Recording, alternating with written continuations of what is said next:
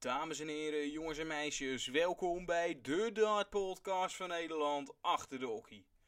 Mijn naam is Mike Hooiveld en begin deze maand zijn wij langs geweest op de trainingsavond van Geert Neentjes in Urk. Wij keken terug en vooruit met Geert op het komende darts najaar. Dus veel luisterplezier. Dus daar zit hij tegenover mij, Geert Neentjes. Geert is Nederlander, hij is 20 jaar, hij is de tourkaart sinds 2019. Die heeft hij gehaald via de Development Tour vorig jaar. Hij staat momenteel 107e op de PDC Order of Merit.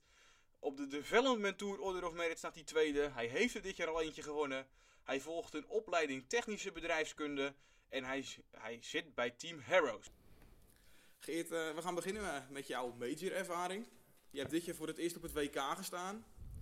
Hoe was je ervaring op het uh, WK?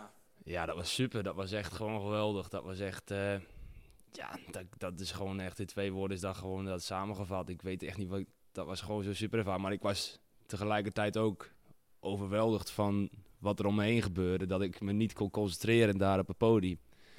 Maar achteraf wist ik ook, of voor de tijd wist ik dat al wel. Van ik ging er niet in van, uh, nou ik wil per se die wedstrijd winnen of zo. Maar ik dacht even, ik ga er gewoon van genieten en ik ga het over me heen laten komen. En als je achteraf terugkijkt, wat denk je dan? Als je je gemiste dubbeltjes ziet en als je Espinol ook hier en daar echt, echt wel wat duidelijk ziet missen. Ja, achteraf dacht ik wel van, ook mijn gemiddelde had wel wat beter gekund. En, maar dat kwam ook omdat ik echt heel veel dubbels miste. Ja, ik had wel wat meer dubbeltjes uh, mogen, mogen gooien. Ja, je was erg zenuwachtig op het podium. Ja, maar aan de andere kant vond ik wel, ik stond niet, ik stond niet te trillen uh, met mijn handen of zo. Dus ik vond wel mijn pijl, die vloog wel lekker naar het bord toe. Maar het, het was gewoon dat ik me niet kon focussen om echt precies te zijn op het bord. Ja, je trok hem af en toe even te veel naar beneden. Ja, of ik zat er net even te ver vandaan, ja. Dubbel veertientje bijvoorbeeld. Ja. ja. Verder heb je dit jaar ook de UK Open gegooid. Die heb je vorig jaar ook gegooid. Ja. Dit jaar uh, ja, toch derde ronde, heel knap. 6-0 Justin Pipe. Ja, ja. Te ver, vergeleken met uh, de eerste keer de UK Open was dit, uh, dit jaar stukken beter. Ook met natuurlijk, omdat het toen de eerste keer UK Open mochten er geen fans bij komen en zo. Dat was echt, dat was heel raar. Maar ja, afgelopen jaar was, was wel een succes voor mij. Dat ik gewoon. Ja, dat, was het de derde ronde?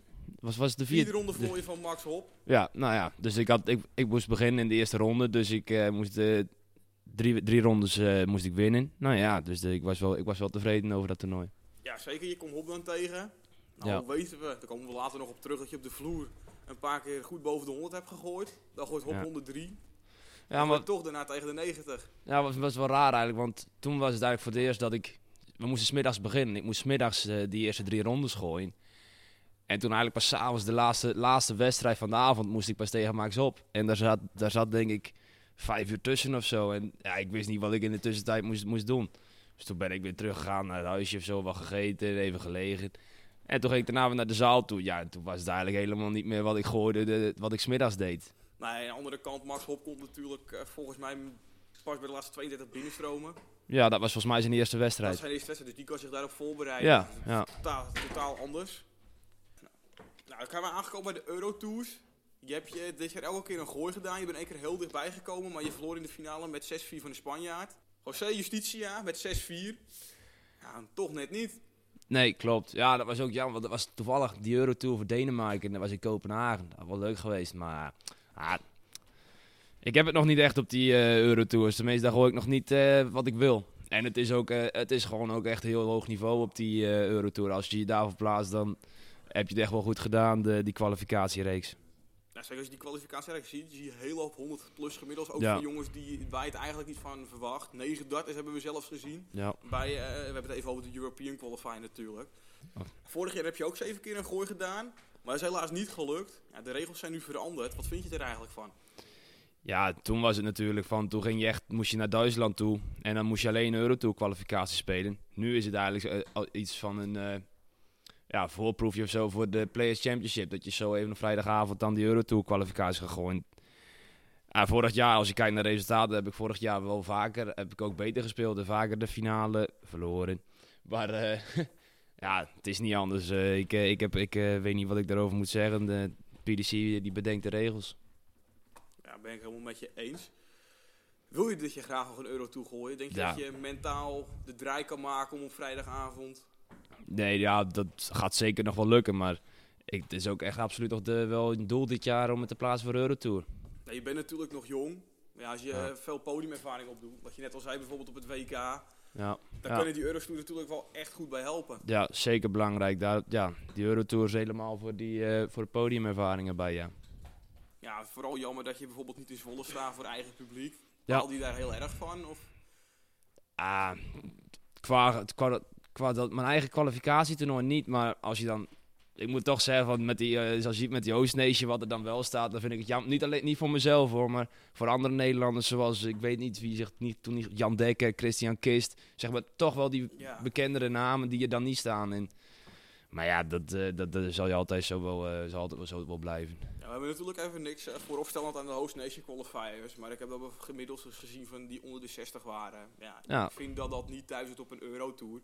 Ja, natuurlijk, jullie hebben natuurlijk maar zes tickets te verdelen op jullie toernooi. Maar jullie zijn natuurlijk los van de, van de UK qualifiers. Ja. Dat is toch weinig. Ja. Bij de UK Open eh qualifier heb je ook meer, veel meer spelers natuurlijk. En eh, het, het is eigenlijk eh, wel eerlijk verdeeld, want elke qualifier die moet ongeveer drie wedstrijden spelen. Twee, drie wedstrijden. Dus wat dat betreft is het wel gelijk. Maar als je dan toch, zij hebben ook spelers erbij zitten die geen toolkaart hebben. En wij hebben alleen maar toolkaarthouders erbij. En op dat, op dat gebied heb je dan wel weer eh, minder eh, gelijkheid in het eh, niveau.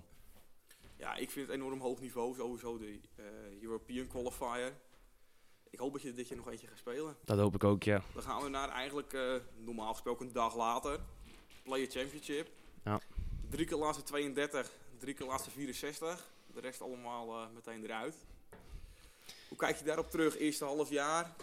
Nou ja, weet je, het, het, het kan veel beter, maar ja, het, het, had, het had ook veel slechter gekund. Ik heb al eh, een paar leuke wedstrijdjes laten zien. Het moet alleen nog gewoon constanter worden. Het is ook nog een beetje van, ja, wennen eigenlijk. Ja, dat komt vanzelf wel. Ja, je bent natuurlijk nu, je hebt natuurlijk, het is pas een half jaar dat jij je toolkaart hebt. Ja. Dus op zich. Je won dit jaar onder andere van Mervyn King met een 9 dart en 107 gemiddeld.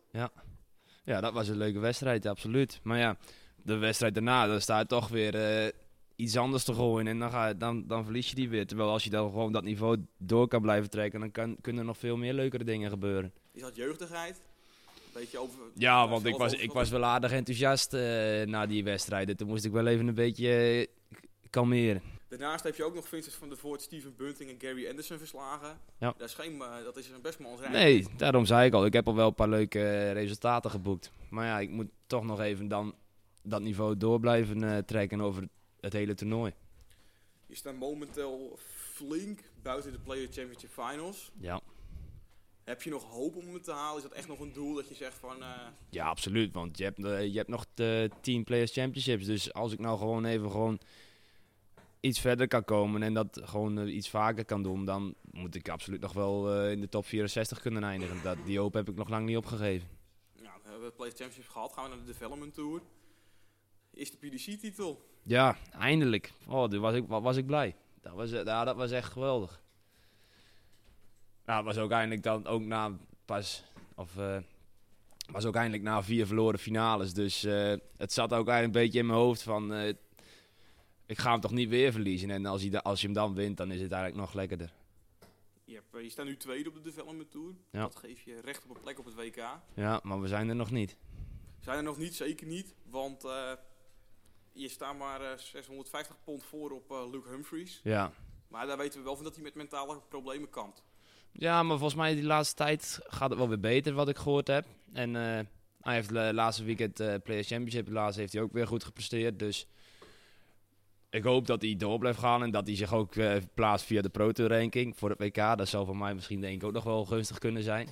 Ja, Ted Evans die, die plaatst zich ook eh, via de Pro Tour ranking. Dus als ik dan misschien in de top 4 blijf, dan eh, is plaatsing voor mij misschien ook nog wel mogelijk. Ja, je loopt natuurlijk veel rond op de Development Tour. Heb je nog talent voor de spelers waarvan je denkt dat, eh, dat we die echt in de gaten moeten gaan houden, die er echt aan zitten te komen? Ik denk als je kijkt van eh, spelers van ongeveer mijn leeftijd, dan zou ik zeggen eh Nathan Rafferty, eh Callum Rich. Die hebben allebei die hebben ze geen tourkaart, maar die, hebben, die doen het ook goed op de Challenge Tour. Die hebben ook al Players Championship gespeeld. Daar hebben ze ook echt al goede resultaten gehaald. Die, die, gasten, die, die, die, die gaan we de komende jaren ook nog veel, veel van horen. Nou, we zitten nu in augustus. Komend weekend is de, eh, weer de development toe voor jou. Ja. Wat verwacht je daar dan van? Kun je Eh, weer op de titel gaan rekenen? Nou ja, dat, eh, daar ga ik zelf wel eh, voor naar Duitsland toe. Ik denk gewoon, ja, qua gooien is het voor mij eh, gewoon normaal. Ik, niet, niet slecht, dus niveau is goed. En eh, als ik gewoon weer eh, daar ook gewoon mijn normale spel laat zien, dan kunnen er weer leuke dingen gebeuren. Dit jaar, plaatsing WK, plaatsing Ja, dat zit, dat zit natuurlijk wel in mijn achterhoofd. Vorig, vorig, vorig jaar met de Development Tour had ik er eigenlijk helemaal niet aan gedacht. Na, na vier weekenden had ik daar helemaal niet aan gedacht, van dat ik me kon plaatsen voor het WK. En nu moet ik, zit ik het eigenlijk die positie te verdedigen. Dan staat toch wel iets anders in de wedstrijd te spelen. Maar ja, dat, eh, dat gaat wel goed komen, denk ik. Dat gaat niet mentaal de overhand nemen. Zoals je bij sommige jonge spelers wel ziet. Nee, ik denk niet. Daar ben ik wel vrij nuchter in. Ik, ik probeer, probeer altijd zo eh, simpel mogelijk te denken. Van ik moet gewoon mijn- mijn pijlen in de triple gooien. Dat is eigenlijk het enige wat ik denk. Verder eh, heb je nog een paar kleine plaatsingstoernooien. Ja, je hebt de World Series of Darts, eh, World Series of Darts Qualifier, Finals, Avers Live. Ja, dat zou wel super gaaf zijn. Ik, durf, ik denk dat maar hoeveel mensen zouden daaraan meedoen, denk je? Alles behalve. eh, wat daaraan meedoet is in Ja. principe iedereen die een toolkaart heeft op de spelers die geplaatst zijn na. Dat is de top 8 van de Oh World ja. Series of Darts. Ja. En eh, uitnodigingen. Nou, ik ga ervan uit dat bij de uitnodiging bijvoorbeeld een Corey Campy zit en een Kyle Anderson. Ja. die ook gespeeld hebben. Ja. En eh, hoeveel, hoeveel plekken worden er dan weggegeven met de kwalificatietoernooi? Ja, ik ik, doe alles een beetje onder voorbehoud nu. Dat zijn vier plekken uit mijn hoofd. Vier maar. Oké. Nou ja, maar dus is eigenlijk ga- moet je denken van het is een Players Championship toernooi. En eh, als je in de halve finale komt, dan, eh, dan ben je geplaatst. Dus als, dan is, dat wordt wel aardig lastig. Maar ja, niet zo mogelijk. Hoe hoog zag je je kansen in? Aangezien de Espinol valt weg. Er vallen echt wel een paar grote namen weg die normaal wel op de, op de vloer staan. Nou, ik ben wel realistisch. Dus ik denk dat mijn kans een eh 10% is of zo. Hetzelfde geldt voor de Gressel of Darts dus. Ja, ook, want die wordt pas gehouden na het jeugd-WK maandagmiddag. En dat weekend daarvoor, of zeg maar die dagen voor, heb ik nog development tour. Dus dan heb ik zaterdag al de hele dag gespeeld, zondag de hele dag gespeeld. En maandagochtend jeugd-WK en dan daarna die Grand Slam qualifier. Nou, dan, moet ik, dan weet ik niet waar ik het vandaan moet toveren. Maar eh, dat wordt dan wel zwaar, denk ik. Ik neem aan dat het eh, WK Jeugd voor jou een groot doel is. Absoluut. Dit jaar wel hoor. Want eh, omdat ik nu ook gewoon tweede sta, dus dat zegt ook wel iets dat ik daar wel gewoon een titelkandidaat ben.